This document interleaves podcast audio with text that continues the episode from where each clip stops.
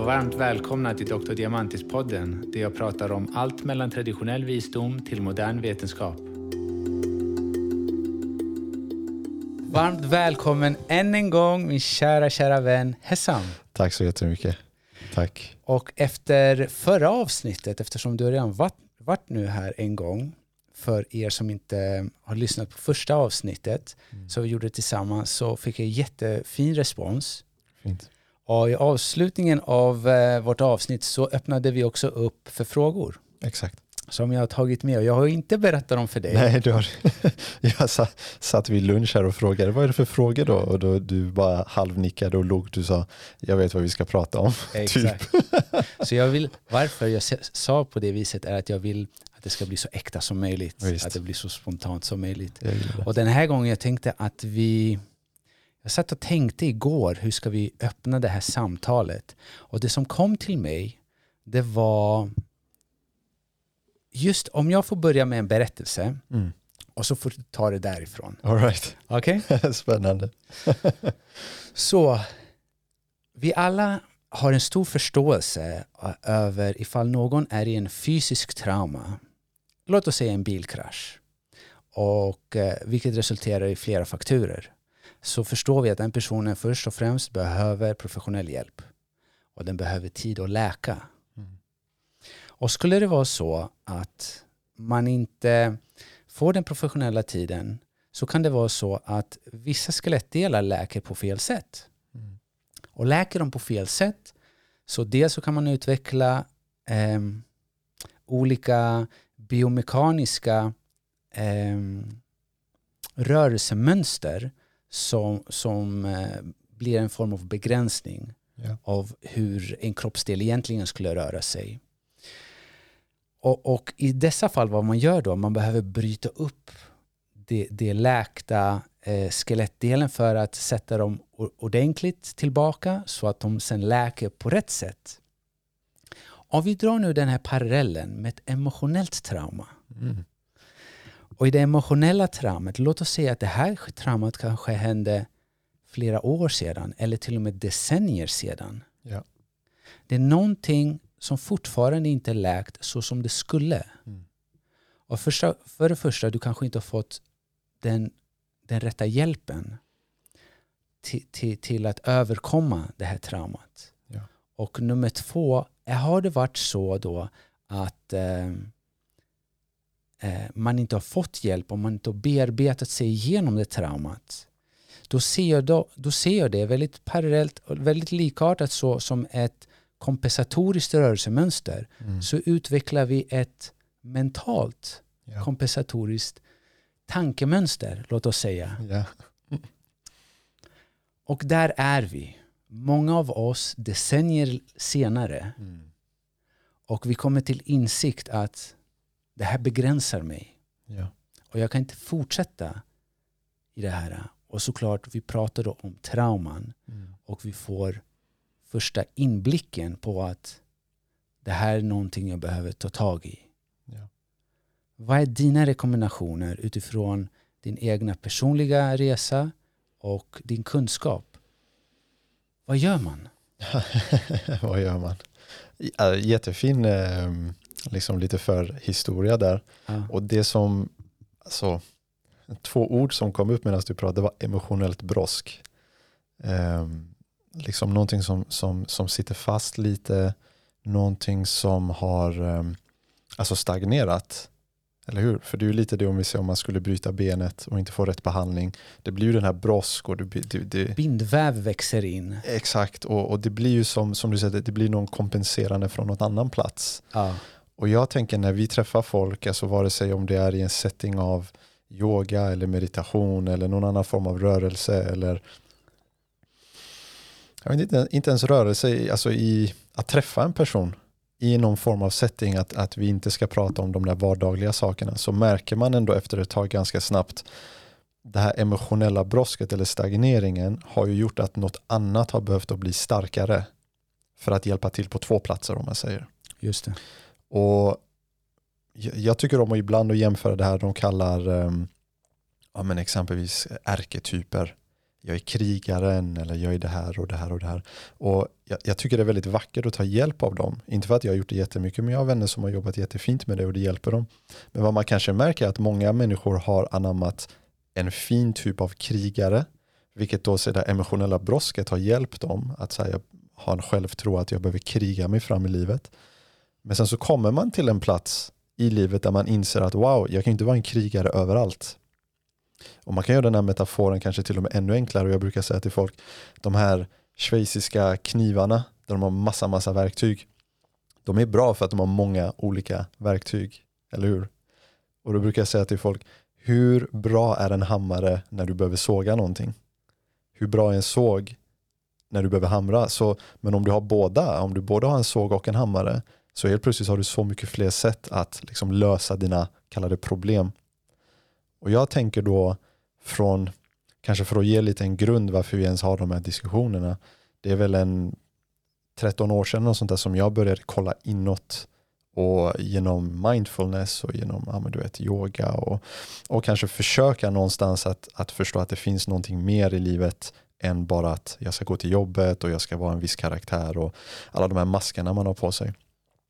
Så jag tror mycket av det här som kommer är väldigt viktigt att säga också att det är mycket från min egna läkning och sen såklart, jag menar jag och min fru, vi har vårt retreat center och vi, vi har många människor runt omkring oss som också har läst sig fram till saker som är viktiga att veta. Men sen det finns ju en skola, den där inre skolan. Såklart, man får hjälp. Jag är andningscoach, hon är yogalärare, ljudterapi, alltså de där grejerna. Men jag tror essensen är det här samtalet inte så mycket så här ger råd snarare än att bara visa att det här var som funkar för mig och det så här jag ser på lösningar i då kallas emotionellt brosk. Precis. Ja så här, emotionellt bindväv som har vuxit runt sig. Någonting som inte fick läka så som det skulle. Mm. Som har orsakat ett kompensatoriskt mentalt mönster som ja. i äldre dagar blir din begränsning. Exakt. Och om man pratar om, jag menar, du som är naprapat också, det här uttrycket att om man går till gymmet exempelvis och bara tränar kallar det tvådimensionellt. Liksom det, finns ingen, det finns ingen tredimensionell rörelse i det här så man blir lite stel. Man kanske blir superstark på att göra benböj säger vi i den här smittmaskinen som är ganska låst. Men vad händer sen om du ska liksom göra några gymnastiska övningar i ditt liv? Eller om du ska, för vi är tredimensionella på det sättet. Och jag ser det också att hur det visar sig att vi är lite emotionellt begränsade är när livet presenterar emotionella 3D-problem. If that makes sense.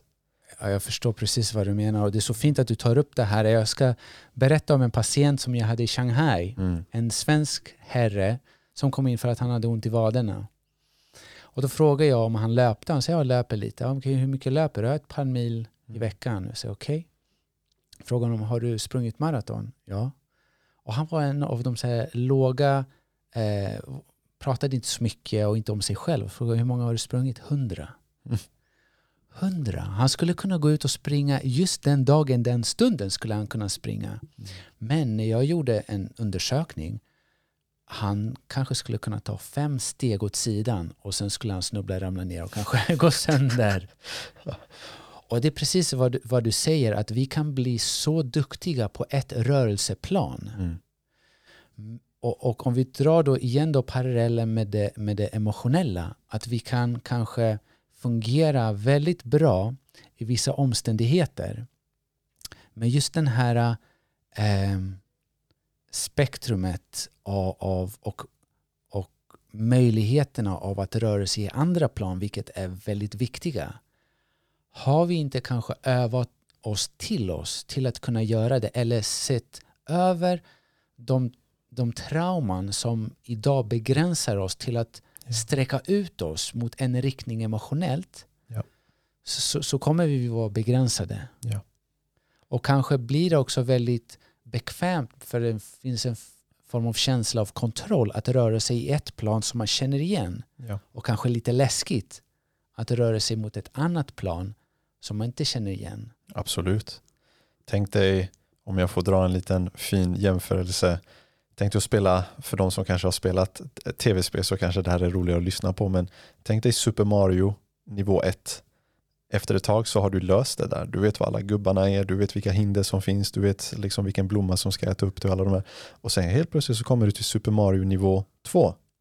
och helt annan musik, bakgrundsmusik, det är helt andra föremål och monster. Och det känns ju ganska läskigt.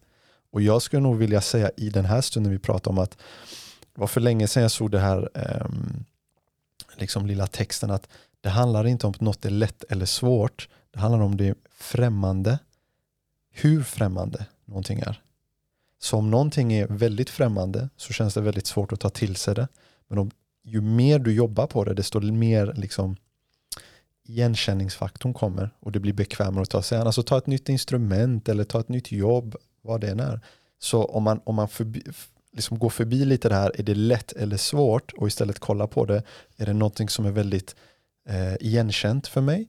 I mitt mönster, i hur jag, hur jag ser på saker, eller är det väldigt främmande, har jag aldrig rört vid det.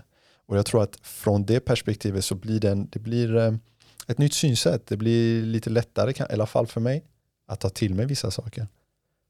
Det här främmande, hur pass läskigt kan det vara? Och hur pass stort motstånd kan man ha mot någonting som känns främmande och framförallt hur kan vi överkomma det? Fin fråga.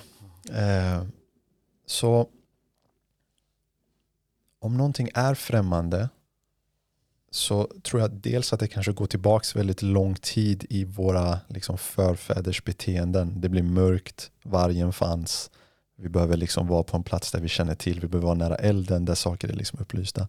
Så jag tänker att det finns en aspekt där som ligger och gottar sig i våra, vår DNA. Men om vi tar det nu där vi, liksom, vi lever förmodligen i, i en värld där det har varit, även om det är mycket som händer, men att det är liksom minst farliga grejer som händer nu kanske. Vi blir inte uppätna av tigrar och så vidare. Så jag tänker att om det en gång i tiden så var främmande väldigt tydligt vad det var som främmandet som var lika med farligt om man säger. Men alltså idag så är det väldigt abstrakt. Om man då tar komplicerar främmande med egen självbild så blir det ännu mer komplicerat. För säg om jag säger till dig Diamantis, jag, jag är rädd för att jag vet inte, gud du kan hitta på vad som helst men jag är rädd för att åka skidor säger vi. För att kanske när jag var liten så såg jag min pappa vrida av sig sitt knä säger vi. Då. Men du har inte sett den informationen. Så du tycker det är ganska konstigt för mig att jag tycker att åka skidor är en väldigt främmande, liksom, wow det där vågar jag inte gå. Men då kommer vi in i den här emotionella brosket, bindväv. Så din självbild kan också göra att någonting som faktiskt inte är främmande i the reality, alltså livet vad det verkligen är, men när du lägger på din lins så blir det främmande. Men sen då till din fråga, det här, vad kan man göra? Hur kan man, hur kan man bemöta någonting som är främmande. Hur vågar man ta det där steget? Och som mycket annat såklart, men i det här fallet vad som kommer från enkelhet. Varför börja med det svåraste? För det är oftast det som man tänker, vad är det som skapar mest ångest i mig? Vad är det som skapar mest depression i mig? Och hjärnan är det där fantastiskt då att den klistrar ju då depression och ångest och, och obekvämlighet på det allra största inom oss. Men om man tar det, liksom det lite lätta i vardagen, lätta eller lättare saker. Exempelvis säger kan jag lägga ifrån mig min telefon eh, efter det här klockslaget?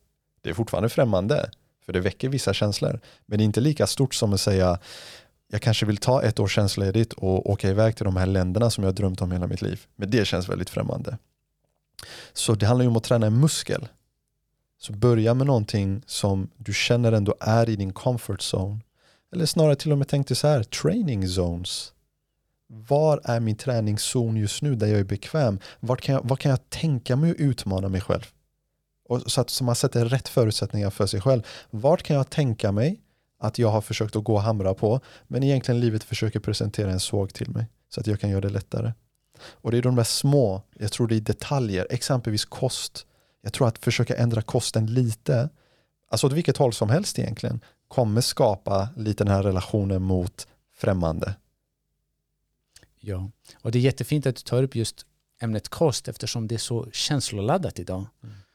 Och, och jag förstår också varför, för att om man tänker efter på, man, man associerar då middagar med en form av upplevelse, med sin kultur, med sin, kan vara religion, med högtider, med kärlek eller med eh, kanske en känsla av att inte ha kontroll för du var tvungen att äta upp allting innan du skulle ja. fick gå från bordet. Det är klart det kan väcka väldigt mycket, många känslor. Eh, och precis så som många andra platser så tror jag att det är också en plats som är värd att titta in på. Att samtidigt som en känsla väcks, att man observerar och verkligen ser vad är det som finns under ytan. För det är så mycket som, i alla fall som jag har upptäckt hos mig och hos mina patienter, är att det handlar om väldigt mycket symbolik. Hur saker och ting symboliserar, hur de yttrar sig. Eh, och att lära sig tolka och kunna navigera utan att försöka vara sin egen psykolog mm. men att objektivt eh, observera skapade en form av eh, nystan som jag ser det. Den blir lite lösare. Och mellan alla de trådarna så kan du också se vad finns det under och vilka känslor är det som är associerade mm. till ett, en, en form av beteende och speciellt ifall man ska börja förändra beteendet. För det är så intressant att det, hur jag eh, ser nu, låt oss säga rökning till mm. exempel. Mm.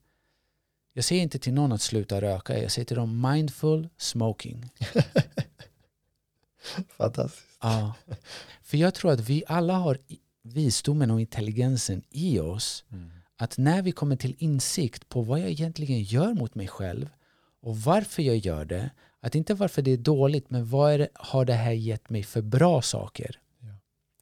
Så förstår vi också att när vi överkommer den, låt oss säga den inre konflikten som är associerad till den distraktionen oavsett om det är att överäta, alkohol, rökning. När vi överkommer den så kommer vi också till insikt att jag behöver inte det här. Mm. Jag är inte i behov av det här. Ja.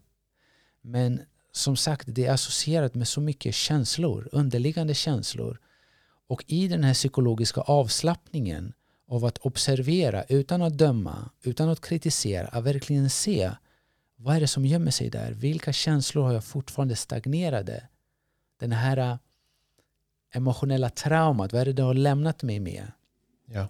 Att när vi börjar komma närmare de platserna och tillåter oss kanske för första gången att känna dess fulla intensitet av vad vi inte fick känna. Mm. Det tror jag startar den reaktionen av eh, den emotionella detox-systemet som sedan, utan att kunna egentligen exakt förklara vad är det som händer, men att man känner sig lättare. Ja. Och den här känslan av att man känner sig lättare, den är så intressant. Ja. För att man refererar till också att vi har en, en ryggsäck. Ja. Eller hur? Mm. Och sen att någonting har släppt. Vad var det som tyngde dig? Vilka känslor, tolkningar, tron var det som tyngde dig? Som tvingade dig in till den här resan? Um, jag vill bara säga en grej innan som dök upp i mig när du pratade om att objektivt kolla på någonting och se saker för vad de är. och tänka att det är kanske någon där ute som tänker, men Diamantis, hur gör jag det? Ja, väldigt fint. Och jag vill bara säga stillhet. Du kan bara lyssna när det blir tyst. Det är svårt att prata och lyssna samtidigt. Så jag vill bara kasta in det där att det är så här, det är stillheten som tillåter dig att inse och se vad det är som pågår. Utan stillheten så bla bla bla bla bla bla bla bla. Det är omöjligt om du och jag skulle prata samtidigt här att någon av oss skulle förstå vad den andra säger. Exakt, för det handlar om insikter. Eller Att blicka inåt. Precis. Ja. Så till din fråga då, vad som ledde mig till, jag ska inte säga tving, jag tror inte någon blir tvingad till att eh, kalla det här vakna, utan jag tror att det kommer från en djup plats av att man är lite trött på att vara den som man har ehm, skapat i den här världen. Och om jag, om jag kikar tillbaka på mig själv, jag hade väldigt mycket autoimmuna besvär som startade någon gång när jag var tonåring. Um, och det började någonstans simpelt med lite pollenallergi och sen så efter det så var det att jag käkade något äpple och, och, och sådär. Och under den tiden så, mina föräldrar var ju skilda sedan långt tillbaka. Men de hade fortfarande mycket liksom, eh, det var mycket besvär där fortfarande. Och sen skola och, och eh, komplexiteten av att inte ha en pappa där alltid och sen kanske inte ha mamma där heller utan jag hade en, en stuvmamma som, som var min support. Liksom. Så jag tror för mig när jag flyttade hemifrån där någonstans vid 18-19, jag bestämde mig över en dag och det var väl lite den impulsiva karaktären. Jag bara, nej, nu vill jag inte göra det här längre och sen så bara drog jag. Så jag skapade nog lite mer svårigheter än vad jag hade behövt. Men där och då så var det det bästa jag tyckte då i min så här, mogna, mogna sätt att se livet. Men vad det gjorde i alla fall tror jag att det var också lite som att skjuta bort problemen. För jag tror om jag hade stannat kvar i familjehemmet så kanske det hade liksom kommit ut tidigare. Men i och med att jag lämnade och sen så flyttade jag utomlands. Jag flyttade hela vägen till Australien, alltså så här bokstavligen andra sidan jorden för att fly eh, mig själv och liksom min, mina jag vet inte, emotionella liksom, eh, lärare som fanns där och, och hämta. Och för att spola fram lite, jag tror någonstans när jag är, om jag är 22 eller 23, jag är 36 idag, eh, så är jag i Australien och då har jag varit där några månader och jag börjar få väldigt dålig lungkapacitet. Så eh, av någon händelse, min partner jag hade då var tvungen att åka tillbaka hem för att hennes eh, ena förälder inte mådde bra. Så det blev att jag åkte hem några månader innan vad jag hade tänkt att göra. Och det var på en nivå att jag tränade två gånger om dagen, jag tränade brasiliansk jutsu på den tiden. Och varje morgon så vaknade jag av att jag lät som en sån här liten squeaky duck. Alltså det var så trångt liksom. Och Kommer ihåg jag brukade tävla på det där och kommer ihåg jag brukade hålla andan innan jag skulle göra någonting för det var bättre än att försöka andas. Hur som helst, kommer tillbaka till Sverige och jag märker att de här autoimmuna besvären har blivit väldigt, väldigt höga. Så nu är jag liksom allergisk, känns som det i alla fall, jag är mot, mot allt. Men jag har inte riktigt förstått vad det betyder att vara för då hade man tankar att man skulle vara elitidrottare och man, man hade drömmar och vad man ville göra och så vidare. Så kommer till astma någon form av så här astmaläkare på vårdcentralen och de ber mig göra ett sånt där blåstest. Och jag kommer ihåg jag blåser och ja, men det här är jättefint, det är inga konstigheter, starka lungor. Och då i alla fall vännen jag hade med mig berättade att jag tränar tio gånger i veckan eller vad det var på den tiden. Och då ser jag hennes ögonbryn så här, okej, okay, låt oss göra ett annat test. Och då gjorde jag något test, jag skulle blåsa in i någon maskin och jag skulle hålla för de skulle mäta något värde. Och det enda jag minns från det här värdet var på något sätt hur mycket syre tar hur mycket koldioxid gör det av och så vidare. Och då sa han att 20, över 20 var farligt och jag tror jag hade 96 eller 98. Så hon, jag vet inte om hon var skärrad, men hon sa att du kunde ha somnat in när som helst under en ganska lång period. För att det har varit så trångt så att det, liksom, det går ner. hon gjorde efter, liknelsen av att, tänk dig när du är i en bil och du tar avgaserna och liksom stoppar in dem i bilen och liksom somnar in. Um, men hur som helst, så där började min resa av obekvämlighet och att känna sig främmande i sin egen kropp fast på ett annat sätt. För med allt, säg bagage från livet och från upplevelser och så vidare så kunde jag väl känna mig distanserad från mig själv på ett sätt men nu helt plötsligt när jag fick de här och de här symptomen blev värre för vad som hände sen såklart. Massa kortison, nässpray, kortison, astmainhalator. Eh, eh, en spray för när du är trött och en spray för när du är pigg. Och en när du, du vet, helt plötsligt hade jag sju olika mediciner, åtta olika mediciner. Och det där gick, gick jag på ganska länge. Tills att jag också fick för mig några år sedan att men jag kanske har en ADHD-diagnos också. Så det är något inom en som har börjat leta. Och jag tror att om jag bara stannar upp där lite och säger att jag inser i efterhand att det här letandet som försöker sätta titlar är också en stor del av uppvaknandet. För den försöker förstå smärtan och det är smärtan som väcker oss. Jag, I alla fall i min erfarenhet och många jag ser, många som kommer till dig, många som kommer till de bär ju på en smärta som driver dem framåt, att förstå sig självt. Så det kommer ett antal år där i alla fall där jag känner mig väldigt vilsen men på utsidan så syns inte det. Jag har ett fint jobb och jag har en fin bil och du vet alla de där platserna men inombords krävs inte mycket för att jag ska vara i väldigt deprimerande tillstånd och mycket ångest. Och det är väl fram till att jag får den här ADHD-diagnosen som eh, kanske är en åtta år sedan eller något sånt nu. Något sånt där. Så jag börjar gå på de här tabletterna och det blir ju, jag blir ännu mer datorliknande kanske man ska säga. vet, aptiten försvinner, sömnen blir inte lika bra. Alltså det, och sen rätt vad det är så, så, så bestämmer jag för bara att jag ska, jag ska sluta med det här. Liksom. Det här funkar inte för mig. Uh, och jag börjar leta mig ja, men så här förbi till alla böcker. Alltså, då kommer jag till nästa fas på något sätt. Att jag kommer, det här funkar inte för mig. Den här karaktären jag är, doesn't work. Jag bör, någonting behöver förändras. Så, så jag letar mig ganska mycket utomlands. Jag hittar platser, jag hittar bland annat någonting som har funkat för mig och jag tror att det här är väldigt viktigt för var och en att ta till sig på vilken nivå och hur de vill ha hjälp. Men för mig på den tiden så var psykedelisk terapi i eh, Holland var lagligt. Så där var jag eh, och fick hjälp på det sättet. Och det var det som hjälpte mig att bryta lite av mina mönster. vad exakt var det som hände som hjälpte dig? Jag insåg bland annat att jag hade blivit eh, fysiskt liksom utsatt när jag var liten, eh, psykologiskt utsatt nästan dagligen på, på många sätt och att allt det här hade liksom skapat en stor sorg, att mina föräldrar hade separerat skapade en sorg i mitt hjärta. Eh, så, så jag förstod också att den här grova astman jag hade var väldigt mycket sorg jag bar på. Så, så det här emotionella brosket vi pratade om, det var som att det fick lösas upp och jag fick ett nytt sätt att se på den här karaktären som då kallas Hessan. Och det var en förlösning som jag vet att man kan få det på många olika sätt, men för mig och min resa där och då så var det det jag behövde. Och om man sammanfattar vad det där är så är det en liten chock bara. Fast inte för stor chock så att du går tillbaks till någon slags PTSD. tillbaks till traumat för djupt, men bara tillräckligt mycket och att se till att vara tillräckligt stark i vad du än gör då. Va? Så att du kan ta den där lilla chocken och inse lite vad som har hänt och sen ska du ha hjälp. Jag förstår. Så att man inte bara flyger iväg och, och någonstans att det inte vet hur man ska integrera saker. Och där såklart, jag är väldigt tacksam, nu, nu liksom snabbspolar jag lite, men liksom lärare om man nu kallar det så och vänner och, och eh, förstående familj och många samtal och ett förfinande av sig självt om man nu kallar det så.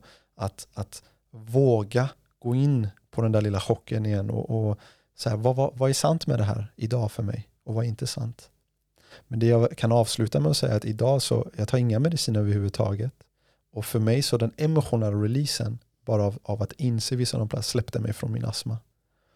Okej. Okay. Um, det finner jag väldigt intressant just eftersom jag pratar väldigt mycket om just trauma, vad det händer med oss. Och om, om vi bara tar det från, för vi pratade om smärta. Mm. Och smärta är ofta väldigt stor drivkraft till förändring. Under smärtan, håller du med om att väldigt ofta finns det ilska? Absolut.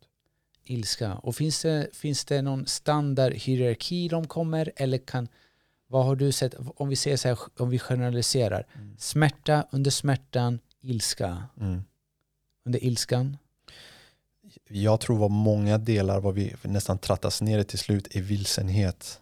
Mm. Eh, det ser jag väldigt mycket. Eh, vilsenhet, såklart i mig själv. Men, men om vi tar relationen mellan ett barn och en förälder exempelvis. Jag kollar på mina föräldrar. Hur vilsna var inte de? Och sen så gör de sitt bästa för att, för att hjälpa sitt barn. Men om vi då passar över, om man säger, lämnar över våra fina attribut, så samtidigt så lämnar vi de andra attributen också. Och vilsenheten är den som jag tror många glömmer att kika på. Att exempelvis sitta och kontemplera och meditera på vilsenhet. Sätt dig ner i tio minuter och säg till dig själv nu tillåter jag mig själv att vara vilsen. Om tio minuter så kommer jag ha, kalla det koll på läget igen. Jag kommer ha min kalender, mina möten, mina barn, vad det än är. Men i tio minuter, fem minuter, en minut så ska jag känna mig så vilsen så att det helt plötsligt kanske börjar komma upp inre bilder och för mig när jag gör det där så kommer jag väldigt ofta till någonstans tre år, fyra år, fem år, åtta år. Kanske, och sen någonstans så kommer det tillbaka till tonåren igen. Men det är så många tillfällen vi har varit vilsna. Och då tänker jag så här, om vilsenheten ligger där i botten och, och, och liksom puttrar, alla känslor som lägger sig på det kommer, kommer inte vara så lätta att liksom, eh, kalla det beta av eller känna för att de kommer, om ilska om den kommer i sin renaste form så tror jag i alla fall inte att den är så svår att bemöta.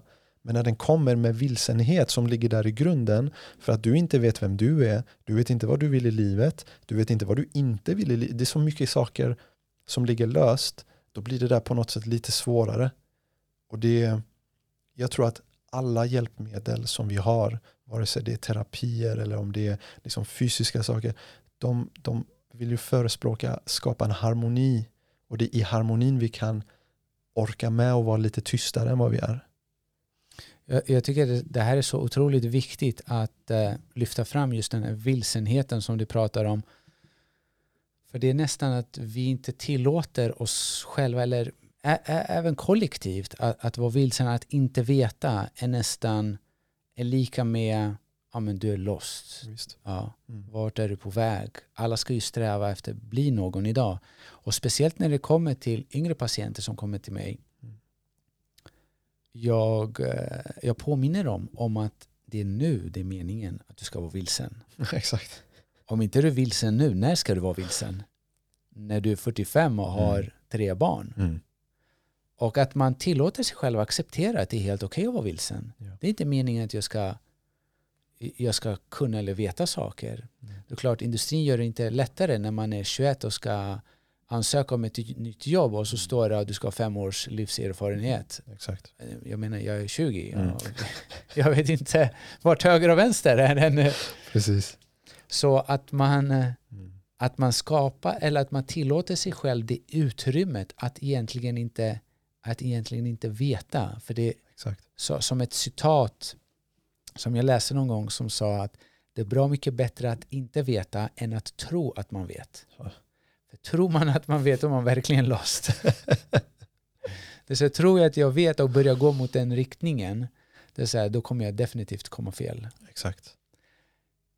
Men det är från den här smärtan till den här ilska eh, där det kan, det kan uttrycka sig som agg, frustration, Ja. irritation, ilska, vrede. Jag ser väldigt ofta att det finns sorg under det. Ja. Det finns sorg, det finns mycket lögner, Mm. eh, antagande, Ja. misstolkningar. Ja. Vad jag vill säga är att när man börjar göra en inre esoterisk resa, och det här definitivt eh, kan jag relatera till, är att det finns så mycket lager man behöver komma igenom Mm. och känna igenom innan man börjar få känna på någon form av, av stadigt underlag. Ja. Där jag kan känna, okej, här finns det någonting att stå på, här finns det någonting att... Härifrån kan jag börja gro djupa rötter. Ja. Och jag tror faktiskt att vägen ur smärtan är genom smärtan. För min del 100 procent. Ja, hur man än vrider och vänder på det. ehm, jag, jag, samtidigt håller jag med om att i slutändan så kommer man till en plats av självkärlek.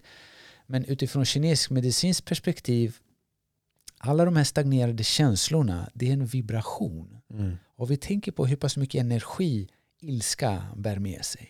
Mm. Och att jag nu bär den ilskan. Den frekvensen, den vibrationen kommer störa resterande av den, den cirkulerande energin. Mm. Och därav kommer det också uttrycka sig på olika sätt. Ja. För det är kroppens sätt att tala med dig. Att så som med din astma, med dina allergier. Det är någonting du behöver titta in på här. Ja. Det är någonting du fortfarande bär. Det är något beteende som inte främjar din hälsa. Mm. Att du inte talar din sanning, att du inte lever din sanning. Mm. Och alla de här, alla de här indikationerna som uttrycker sig som, som, som symptom är otroligt värdefulla. För att mer än att tänka att det här är någonting som händer mig. Ifall du ser alla dina symptom som någon form av uråldrig budbärare av visdom som försöker visa dig att här, det finns någonting du behöver titta på. Ja. Och då återigen, inte för att hitta dig själv, förbättra dig själv, förändra dig själv. Vi pratar om insikter. Ja. Och det är just i den här stillheten, den här stillheten som vi kan börja se vad som finns mellan två tankar Ja. genom all det här eh, oljudet, chattret. För det finns mycket av det. Ja, Det finns mycket av det.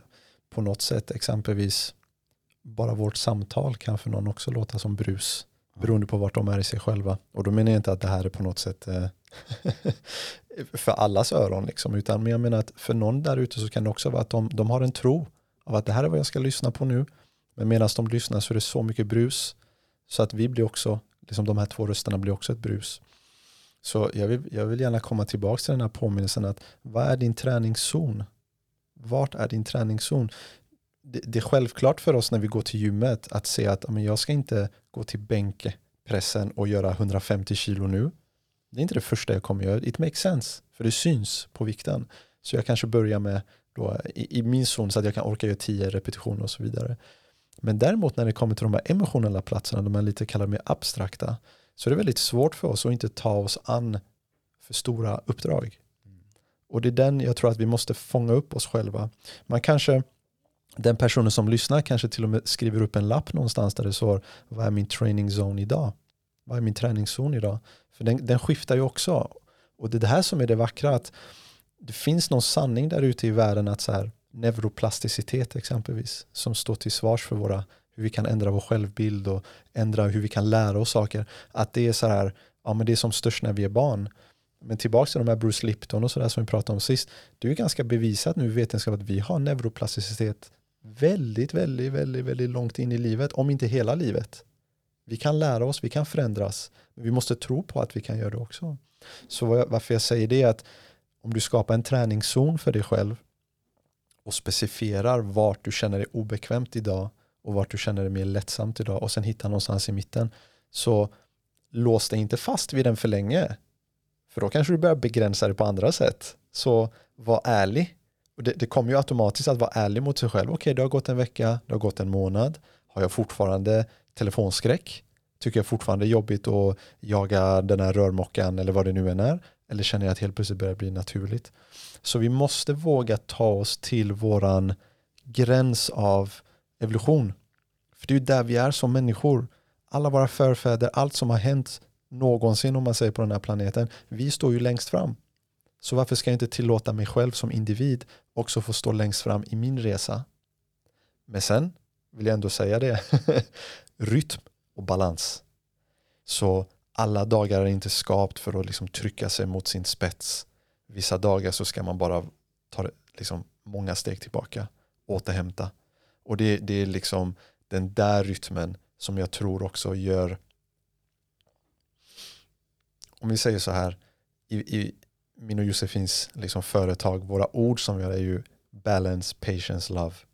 Och, och, bara för att sammanfatta det, varför det är de tre orden. För för mig är det balans är först.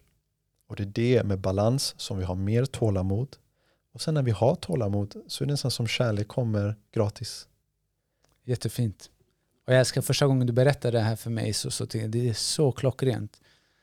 Och ni har ett jättefint verksamhetshus ute på Mörkö. Just det. Där ni håller olika typer av retreats. Ja.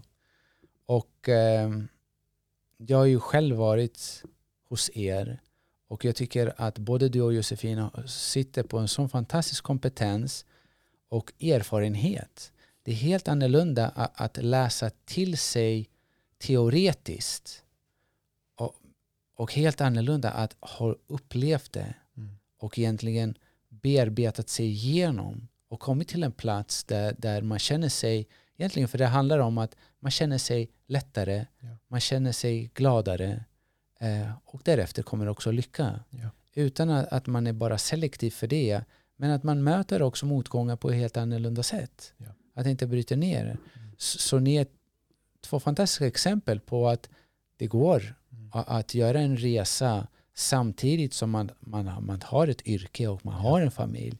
Ja. För att era retreats brukar vara från en fredag till söndag om det stämmer. Ja, de, de är lite varierade. Ibland är det en natt, mm. ibland är det två nätter. Mm. Och, och det som ploppar upp när du pratar om det är också viktigt att veta att, och det är inte bara våra retreats eller våra workshops eller händelser, men att om, om ett, ett ställe är, kallar det tillräckligt bra så har de ett så brett spektrum att du kan komma både för vilandet och du kan komma för gasandet i samma retreat. Så det gäller att se individen, skapa en tillräckligt intim miljö så att gruppen också känner sig sedd, individen känner sig sedd och att vi kan då hjälpa varandra att säga okej, okay, person A och B har kommit till samma retreat men person A behöver broms, person B behöver lite gas. Och det är det där jag tror i detaljerna det sitter eh, också. Och jag tror att fantastiska människor jag har träffat över åren och jag menar bara att om vi tar ditt arbete, hur många gånger har inte jag kommit här och så har jag sagt jag känner mig trött och sen nästa gång så ah, här, jag känner mig eh, väldigt energisk. Så det är så här, vi, vi, vi går ju upp och ner men jag kommer ju till samma ställe i detta fallet. Men ja, jag tror det var det. vi är, vi är så pass dynamiska varelser och vi är i alla i vår egen resa. Men när ett sånt space som ni har skapat skapar den här utrymmen. För att det är inte bara att gå och göra yoga, det är också hur ni inrett huset, Mm. hur ni har planerat hela alla retreats till, till, till punkt och till minsta detalj. Det, det är så fascinerande. Eh, och även maten är ju helt fantastisk. Mm. Så pass fantastisk att jag bad dig, jag frågade efter ditt hummusrecept att ha med mig ha med min nya kokbok för den var helt fantastisk. Ja, det, det är med glädje.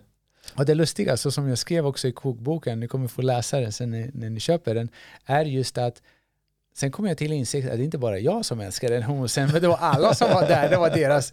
Jag tror att det var min favorit, men det var allas Just det, favorit. Ja. Och jag- tror sammanfattningsvis, jag menar, det är en dröm jag har haft länge, att skapa en plats för andra att komma till. Och, och egentligen kanske en liten, från en önskan i mitt hjärta, att jag lär mig så mycket av andra människor. Så det kanske är min egen strävan, jag kanske fortfarande strävar efter något jag tror att jag inte har träffat. För varje person har ju en unik historia, de har ett unikt sätt som de vill bemöta livet på. Och, och vårt jobb är att skapa eh, egentligen en, en atmosfär eh, av kärlek, om man nu säger så. Men sen så i, som du säger, i detaljer, hur är saker inrett, hur ser mitt rum ut? Eh, wow, den här maten var god, vad har du i den? Oj, är det bara så här få ämnen? Eller ingredienser snarare. Och jag tror att sådana där små tillfällen att komma till en plats och få lite sådana elements of surprise, för det är det jag tycker är man vill åt. Man vill åt elements of surprise som får mig att- en liten chock. En liten chock av wow, vad händer nu? Vad spelar han för instrument nu? Eller vad var det här för övning? Och så vidare. För när man gör någonting med intention, och förstå mig rätt, alla dagar är ju inte liksom regnbågar och, och, och fjärilar. Vissa dagar har man retreat så tänker man wow, jag är en trött förälder nu, småbarnsförälder och så vidare. Men att man ändå när man gör någonting att försöka göra det med en intention av kärlek och man, man, man föreställer sig, sig då att deltagare kommer och så vidare. Och jag tror det är det som också gör det. Men jag menar om du, återigen, du tjatar om den här training zone, men låt oss ta den igen. Om du tar din training zone och med intention av ömhet säger vi, så lovar jag att det kommer stå helt andra liksom, bokstäver där än om du gör det med intention att jag ska göra en training zone. Eller jag gör en training zone för att jag vill se vart jag är i mig själv med mjukhet säger vi. Man, man pratar med sig själv med mjukhet. Och det är den jag tror jag personligen hellre vill hjälpa folk än att försöka ge dem en lösning. Det är det här liksom klassiska lära någon liksom fiska eller bara ge dem en fisk. Det, och, och det är det jag tror du gör mycket också att ja, kom hit, bli bättre, men vad tar du med dig? Vad tar du med dig in i ditt liv som människa, som partner, som kollega, som förälder? Det är ju det viktiga. Och det tycker jag att både hur ni tänker i era retreats och hur jag tänker är också väldigt lika är att visst, välkommen på service, Ja. men du ska inte ha mig som en krycka för att kunna klara dig igenom. Exakt. Klart är du i början av din resa och du behöver hjälp. Jag finns här, Mm. du finns, andra personer finns. Och se till att skapa ett nätverk med personer som du litar på, som du har en känsla av att okej, de vet vad de håller på med. Och sakta, sakta fortsätt att gå djupare i din egna resa. Ja. För att så som Bruce Lipton faktiskt pratar om att det finns bara tre stycken typer av stress. Det är emotionell, fysisk och kemisk. Mm. Och i min värld, längst ner, det som påverkar dem båda, det är just den emotionella stressen. Ja. Den emotionella stressen som bottnar i dålig självkänsla. Ja. Och det som är så intressant, som jag vill dela med mig, dels till dig Hessan, men Mm. till alla er också, är att när jag börjar nu förbereda eh, material för föreläsningar som jag gör nu hösten och vintern, så, så tror jag först, okej, jag ska börja referera till gamla hinduiska skrifter om du vet, trauma och självkänsla och så vidare. Men det lustiga är att jag hittade på 1177. det står framför näsan på oss på 1177. Mm. Det är så här, äh, ja men stress bottnar i dålig självkänsla. Mm. Självkänslan kan vara positiv, kan vara negativ. Mm. Negativa kommer från dålig barndom, eller självkänslan kommer från dålig barndom. Nu, det här är väldigt intressant. Det står, dels kommer det, en del kommer från barndomen, den andra medfödd. Mm. Och det tyckte jag var jätteintressant. Intressant. För att så som jag ser den här medfödda delen, Det är just hur jag brukar uttrycka att vi alla är en speciell komposition av energi Mm. i ett spektrum som är det kollektiva. Och alla behövs. Alla behövs. Men vi behöver, jag tror en del av vår inre resa är också att komma till insikt. Vilken typ av komposition av energi jag är. Är jag mer eld eller är jag mer vatten? Mm. Och såklart allt där mittemellan. Och även i min typ av, av, låt oss säga komposition av energi, även där finns det ett spektrum. Jag kan pusha mig att vara mer eld, jag kan pusha mig att vara mer vatten. Och att navigera mellan dem, att vara väldigt fysiskt aktiv, Mm. men också väldigt, vara mer passiv och väldigt stillsam. Så tror jag att även de två är väldigt viktiga för att uppleva den här, ja, men, full, det fulla spektrumet av det som är mitt spektrum. Mm. Men det, vad jag vill säga med det här, alltså just det med det medfödda, är att en stor del av stressen när det kommer från samhället är att samhället övertygar oss att vi behöver bete oss som en specifik typ av komposition av energi. Ett typ av beteende eftersom det är genom det beteendet som vi sedan blir framgångsrika. Det är då vi blir någon. Ja. Och det kan vara de högpresterande entreprenörerna till exempel eller något svårt yrke. Ja. Som vissa personer är byggda på det sättet och de kan hantera alla de utmaningar som kommer med det, Ja. med den livsstilen. Ja. Men eftersom det kanske i slutändan förser dem med väldigt stor förmögenhet så tror vi okej, det, det är så alla ska vara. Men vi är inte alla så.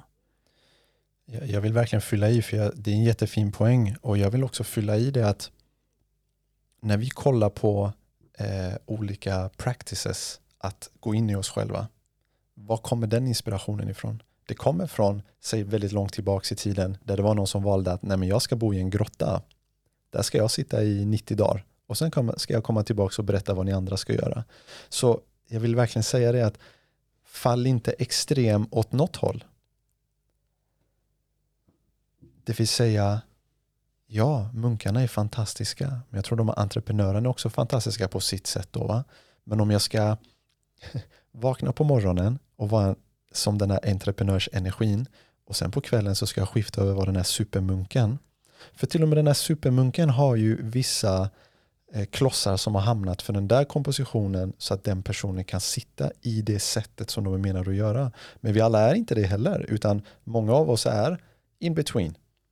Så jag tror att det är lätt för mig i alla fall att inte falla för sig då entreprenörskap, eller nu är vi ju det när vi har våra egna företag, men att när jag väl skiftar över, att jag ibland blir så här, men jag vill ju vara så där helig som den där personen som jag har läst om och Buddha och sådär. Men det där är ju också väldigt extremt åt det hållet.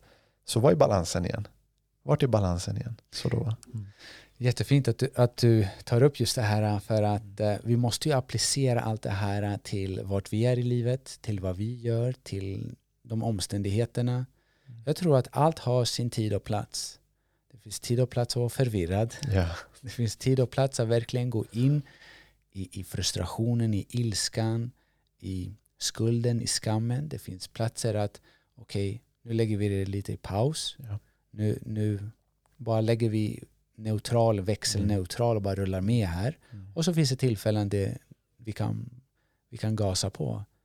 Och jag tror att det, alltså mästan, den sanna mästan som finns i oss alla, det är det den försöker säga att jag är med dig i alla lägen, men jag behöver att du förstår vilket läge som känns bäst för dig. Jättebra sagt. Snälla en gång till, repetera. Igen. Jag vet inte om jag kommer ihåg det ordagrant, Ja. men det finns en mästare i oss alla och att den sanna läran är att vi ska lära oss vad som är rätt för varje tillfälle. Det är läran. Perfekt. Det är i alla fall min sanning. Så att vara det ena, vara det andra, det är inte för mig vad det handlar om. Det är att när ska jag vara det ena och när ska jag vara det andra? För om vi skulle ta bort i ekvationen av livet, om vi skulle ta bort resultat, vad skulle hända då? Om resultatet inte spelade någon roll längre, utan det var bara handlingen. Men det fanns inget resultat. Det fanns om du börjar måla, behöver inte ens göra klart det. Du är på väg till jobbet, ah, du går inte till jobbet. Alltså, eller du går längre bort, eller du går till ett annat jobb och så vidare. Vad skulle hända då? Och det är det vi då, för att binda tillbaka till främmande, det blir kaos. Om det inte finns resultat, then what are we? Vad är vår mening? Och då blir det, oj, nu börjar jag prata om liksom väldigt så här, kalla då flummiga saker eller väldigt långt bort. Vem är jag då? Men stanna där, känn känslan. Hur känns det när du tar bort kontroll från ekvationen, när du tar bort resultat eller manifestering av tredimensionella saker? Vad händer inom dig då? Och det är den där igen, främmande. För jag tror att många av oss beter oss på den där främ- rädslan för främmande och så gör vi saker vi faktiskt egentligen inte vill göra. Och det är den igen, den här mästaren inom oss som vill att vi ska möta främmande ibland och ibland ska vi gå tillbaks och möta det vi känner igen. Vad som poppar upp hos mig just med den här mästaren, den verkligen träder fram, eller vi blir den mästaren när vi är som mest autentiska. Ja. Och det är verkligen oavsett hur jobbigt det är och ta ett beslut eller säga vissa ord när vi känner att det är min skyldighet för att jag behöver tala och leva min sanning, att vara autentisk. Ja. Det är de här stunderna som gör mig kanske obekväm. Jag behöver ta dem, de snacken i alla fall. Ju mer bekväm vi ju mer bekanta vi blir med vårt autentiska jag, desto mindre obekväma tror jag att de platserna blir. Exakt. Och som sagt, vi lever i en ganska bekväm värld just nu, eller för oss kanske vi som lyssnar i det här. Och, men vi har alltid varit ganska mycket mer obekväma förr. Och den här obekvämligheten är viktig och idag så vi måste nästan tvinga oss att generera obekvämlighet. Säg exempelvis för min del, jag tar kalla bad eller isbad eller går in i bastu väldigt länge. Det, det, jag måste tvinga mig till situationer som är obekväma. För det finns så mycket bekvämlighet om jag vill. Och vi är ju lite då wired till att välja det bekväma hela tiden. Så idag är det det som jag tror är jobbigare för oss som lever i den här tiden. Det är att obekvämligheten kommer inte som ett brev på posten av naturen att okej, okay, vi bor i Sverige nu, det börjar bli kallare. Har du tillräckligt med ved? Har du varit igång i sommar och fixat veden så att det blir bekvämt för vintern? Men idag kan jag ringa ett samtal så kommer det en truck med ved exempelvis. Då. Och det tror jag är lite svårt för oss idag att förstå att vi måste möta obekvämlighet verkligen i vårt eget val. Det kommer inte gratis på samma sätt längre. Men däremot då så kommer obekvämligheten i de här då, som jag sa, mer abstrakta formerna. Att säga, men varför känner jag mig nedstämd? Varför känner jag mig då i full av ångest eller vad det är? Men sen vill jag också bara avsluta hela den här långa eh, med att knyta av och säga glöm inte att ha kul. Vi kan ha kul fastän vi är vilsna, fastän vi är i någon form av så här främmande ny plats i oss själva, en ny nivå om man nu ska uttrycka det sådär. Då, va? Att ha kul är, är väldigt, väldigt viktigt och jag tror det där kul är också det som gör att vi kan ta ett steg tillbaks och se lite vart vi är. Så att det, spiritualitet får inte, enligt mig, får inte bli för seriöst heller. Exempelvis om man ska gå till Diamantis och tänker så här, nu har jag väntat här i sex månader för att få en ny besökstid och det är så viktigt och det är så seriöst och nu ligger jag här och tar mina nålar, åh vad jag ska vara eh, intuned. Nej. Jo för vissa, men nej för andra. Så det är så här igen, balans. Ena dagen, fine seriöst, men om du märker att det börjar bli besvärligt att se din läkning på ett sånt seriöst sätt, då är det indikationer att relax, relax. Jag känner igen mig där eftersom jag kan säga att jag hade glömt bort att leva. Mm. Det kändes som att hela min existens handlar om att överleva. Mm. Det handlar om att läka mig själv. Ja. Och när den insikten kom in, du kan definitivt läka dig själv och leva samtidigt. Ja. Och att nästan prioritering av att leva var nästan viktigare. Mm. Eftersom det, det, du hamnar i en form av avslappning där du tillåter också saker fungera. Ja. Jag såg det också som att jag var där och pillade för mycket. Ja. När vi pillar för mycket, vi har inte tillit till att visdomen finns där. Visst. Så gå in, återigen balans. Gå in, gå fram till den här fronten, till spetsen, gör ditt arbete, backa av. För väldigt mycket, väldigt många processer sker när du tillåter dem fortsätta marineras, när du fortsätter ja, men läka helt enkelt. Och, och livet är ju verkligen för mig i alla fall, två steg fram, ett steg bak ibland. Och ibland två steg fram, tre steg bak. Och ibland tre steg fram, ett steg. Alltså det, det, det bara är så där. Det här är inte någon linjär liksom bara för att jag gjort det här så nu wow, då släppte det där. Utan det kommer tillbaks. Det finns saker än idag som kommer tillbaks som jag, jag, ett, ett fint exempel jag brukar säga till folk ibland när jag pratar med dem att om du tänker att varje emotionellt besvär du har i dig är som en Rubiks kub, eller ta ett trauma exempelvis. Om jag ger dig en Rubiks kub nu och förutsätter att du inte är Rubiks kubmästare. så vad kommer du göra när du får en Rubiks kub för att fixa den för att den ska vara då alla färger som den ska vara? Du börjar vända och vrida och vända och vrida och du tar lite paus, tänker lite, vänder och vrider. Ett emotionellt trauma vi behöver förstå att det är på samma sätt. Den vill bli sedd på varenda liten millimetersida den har. Den vill bli vänd och vriden och på varje vändning så kommer en känsla kombinerat med det. Det kommer ett, ett, ett, um, en mental bild kanske eller det kommer en doft eller det kommer en smak eller det kommer en, en, en, en sensation i kroppen säger vi. Men det är Rubiks kuber och jag menar inte säga att de är komplicerade. Jag vill bara säga att de är multidimensionella. Och de har så mycket att lära oss. De har så mycket att berätta för oss. För det är det som skapar det här djupet. Och det är det djupet sen, för att, som det säger, att våga tala din sanning. Om det är för dig som lyssnar där tänker så här, men jag kan inte säga min sanning till den här personen, till den där personen. Vi har ju alla sunt förnuft hoppas jag. Och ibland att säga sin sanning för starkt mot någon som man inte är helt hundra med säger vi. Det kan skapa mer friktion än vad det skapar harmoni. Så det kanske betyder att du behöver jobba på vissa platser i dig själv så du kan förmedla din sanning på ett mjukare sätt. För någonstans regel nummer ett är att skada inte någon annan människa, skapa inte för mycket friktion för någon annan människa utan följ din kärlek. Men sen då att om det är någon som inte förstår dig sen när du säger din sanning så betyder det att de är inte längre del av din resa. Som jag brukar säga, om två fåglar flyger i luften blir den ena arg över den andra för att de helt plötsligt vänder och går åt, flyger åt varsitt håll? Eller sker det automatiskt? Så att ha, att ha mod och säga att när jag valde mig själv så, så, så slutar jag med det här mönstret, så separerar jag från den här personen. Och jag, menar, jag tror många av oss har insett att helt plötsligt så när jag ändrar något i mig så pratar jag inte med den här personen längre eller den där personen eller jag gör inte den här aktiviteten. Så att också inse det att var inte orolig för det som släpper.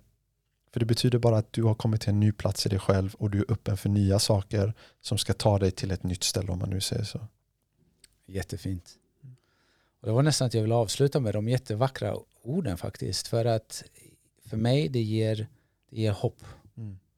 Jag känner hopp och jag känner jag känner att eh, det är väldigt nyttigt att få höra de här orden från dig eftersom du är en sån person som har, som har upplevt det själv mm. och som har sett det hos andra. Och det är varför vi är här och samtalar egentligen. Att dela med oss och, och säga syster, broder, mm. eh, jag, vi ser dig. Ja. Och det är helt okej okay, oavsett vart du än befinner dig. Att ja. du känner som du känner. Ja. Du är inte ensam det är en del av livet också. Att du inte beskyller dig själv för mycket. Mm. Och att du sakta, sakta blickar inåt för att det finns. Vä vägen är inåt. Vägen är inåt. Det, det som vi skapar här inne, det är också det vi kommer skapa där ute. Och liksom för att knyta upp det här fina ordet hopp. Hoppet finns i ett leende, hoppet finns i solen, hoppet finns liksom varje dag om man vill kika på det. Och alla de andra platserna finns också om man vill kika på det. Ja. Så de bara väntar. Jättefint. Och med de vackra orden så tycker jag att eh, vi nöjer oss för idag. Absolut. Tack snälla. Tack så mycket för att du kom och tack till alla er lyssnare. Jag hoppas att det var ett eh, givande avsnitt. Mm. Och eh, vi väntar på feedback. Jag väntar på feedback. Ja. Se om du ger mig lite mer curveballs. exakt.